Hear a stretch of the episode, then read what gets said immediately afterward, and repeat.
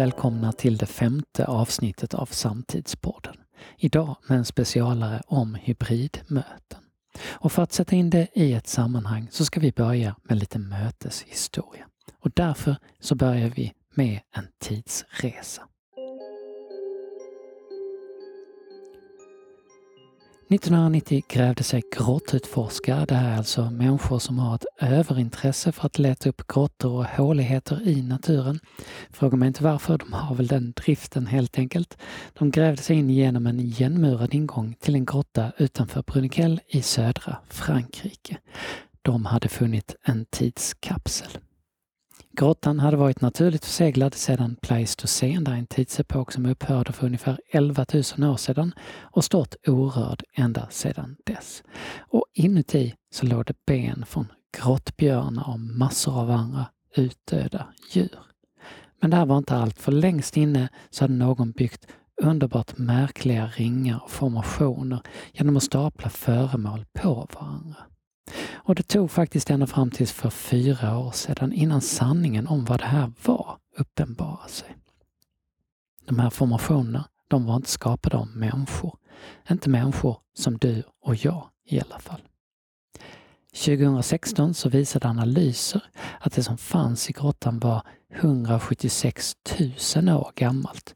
Det vill säga formationerna var skapade av neandertalare. Det här gläder mig personligen eftersom mina DNA-test visar att jag har mer neandertalar-DNA än genomsnittet.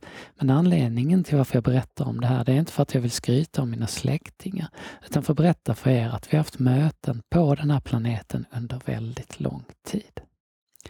Och mötenas historia börjar antagligen just här, i grottor och håligheter bakom saker som ger skydd för vind och väder. Först började vi människor bygga byar och för 3000 år sedan kom de öppna torgen i städerna. Båda de här sakerna var ju förutsättningar för att kunna skapa jobbmöten såklart. Men det var först med industrialiseringen som mötesvärlden tog ordentlig fart. De första kontoren dök antagligen upp redan under romartiden. Men först på 1700-talet så får vi dedikerade kontorsbyggnader. Och vid det här laget så hade ju administrationen hos den växande staten och de växande företagen blommat ut enormt. Och här i början på 1700-talet, här får vi alltså två saker.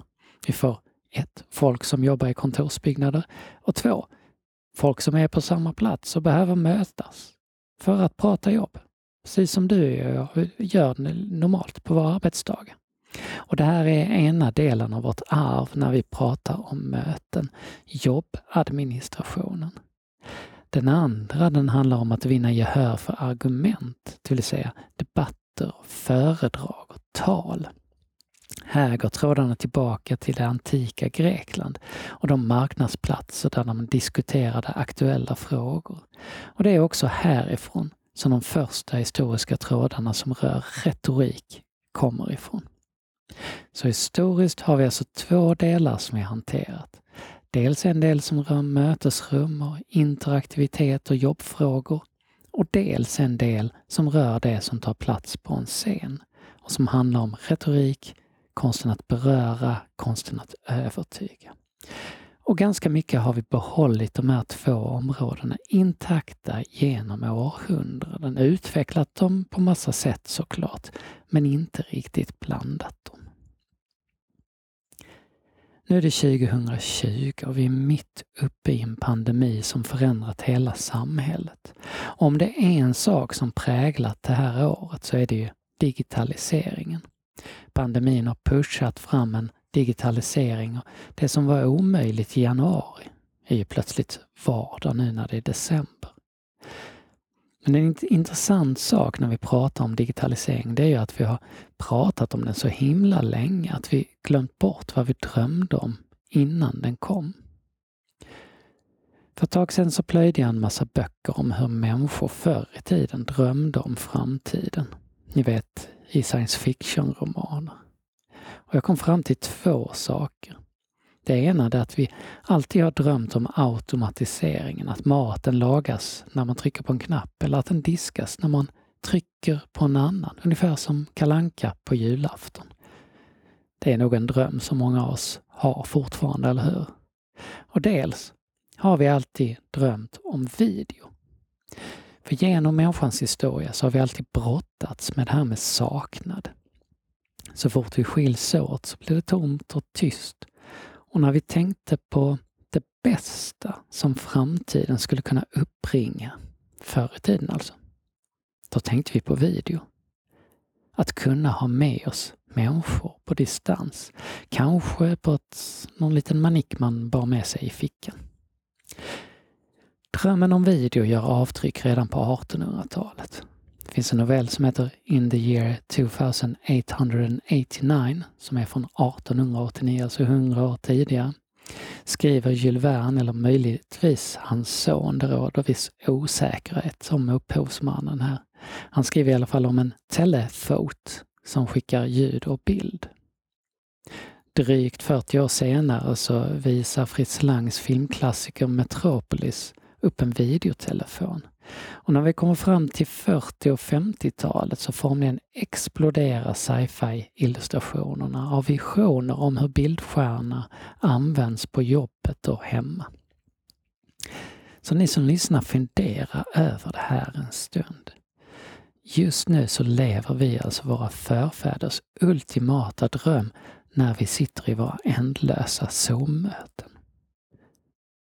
Och frågan är såklart om vi förvaltar den här drömmen på ett bra sätt.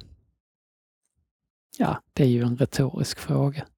Självklart har vi haft videomöten under lång tid. Vi har haft Skype i 17 år ungefär. Men det har ju aldrig riktigt fungerat. Vad hände då under coronakrisen? Jo, vi fick verktyg som faktiskt funkade och som nu utvecklas i en enormt snabb takt. Vet ni vad? Vi förändrades också. Och i våras så var det så fint att se alla de här live from home-sändningarna, alla de här öppna och fria föreläsningarna där vi plötsligt mötte varandra. Inte som publik och stjärna på en scen, utan som människor.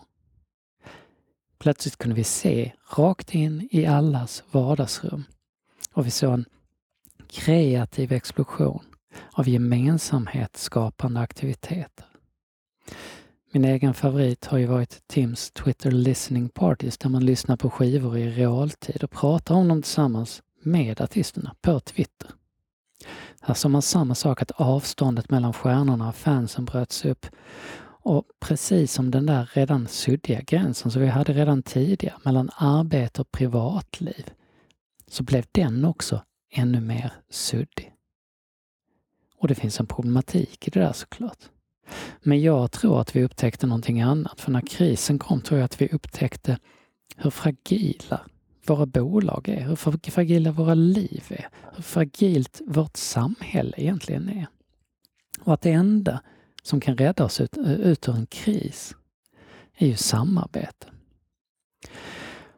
Alltså hoppas jag i alla fall att vi går ut ur den här hösten med ett helt annat fokus på kollaboration än tidigare.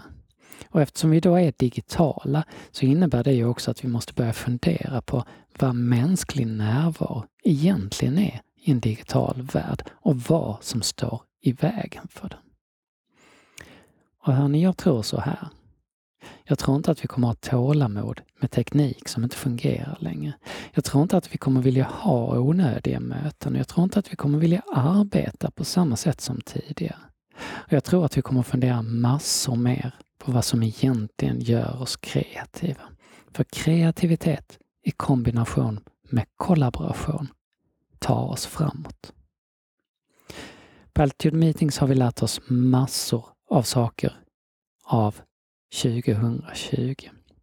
Om jag bara skulle nämna fyra så är ett, Att innehåll och mål är viktigare än någonsin. Och vi vet ju att väldigt många har misshandlat fysiska möten sedan gammalt. Men i en digital värld så funkar det inte att ha dåligt innehåll eller otydliga mål. För plötsligt så tävlar du ju med Youtube-videor och TED-talks. Du får en, en jämförelse som man kan göra i realtid faktiskt. Och då håller inte riktigt dina saker måttet om du inte har lagt tillräckligt mycket tid med att jobba med innehållet. Nummer två, det är att teknikribban har höjts enormt. Våren 2020 visste inte många hur man gjorde digitala möten. Det var en testperiod, det var okej okay att misslyckas. Nu är vi inne i en tid där publiken kommer inte acceptera dålig videokvalitet, dålig ljud eller dåliga powerpoint-presentationer. Klart att man som deltagare på ett möte kommer att förvänta sig breakout rooms, polls, digitala workshops, interaktion och resultat. Nummer tre. Nyfikenhet kommer att belönas. Ja, vi vet ju det att lära sig nya saker, ja visst det kräver ju att du tänker utanför boxen. Men också att du är villig att lära dig saker på egen hand. Det fina med digitaliseringen är såklart alla möjligheter som den erbjuder. Det lite jobbiga det är ju att det är en ständig läroprocess och den tar aldrig slut. De personer som är nyfikna, som är kreativa, som lär sig själva, de är guld för sina organisationer i en tid av digitala möten. Och vi ser att de kanske ska få lite andra positioner än vad de har haft tidigare. För det är inte nödvändigtvis samma människor som jobbade med fysiska möten. Nummer fyra. Digitalt och fysiskt kommer att smälta samman. Nej, vi kommer inte att flyga in talare från hela världen längre. Det är inte hållbart, varken klimatmässigt eller arbetsmässigt. Och vad vi går mot är därför hybridmöten. Vad är då hybridmöten? Ja, det är ju inte att ha ett fysiskt möte som du filmar med en kamera.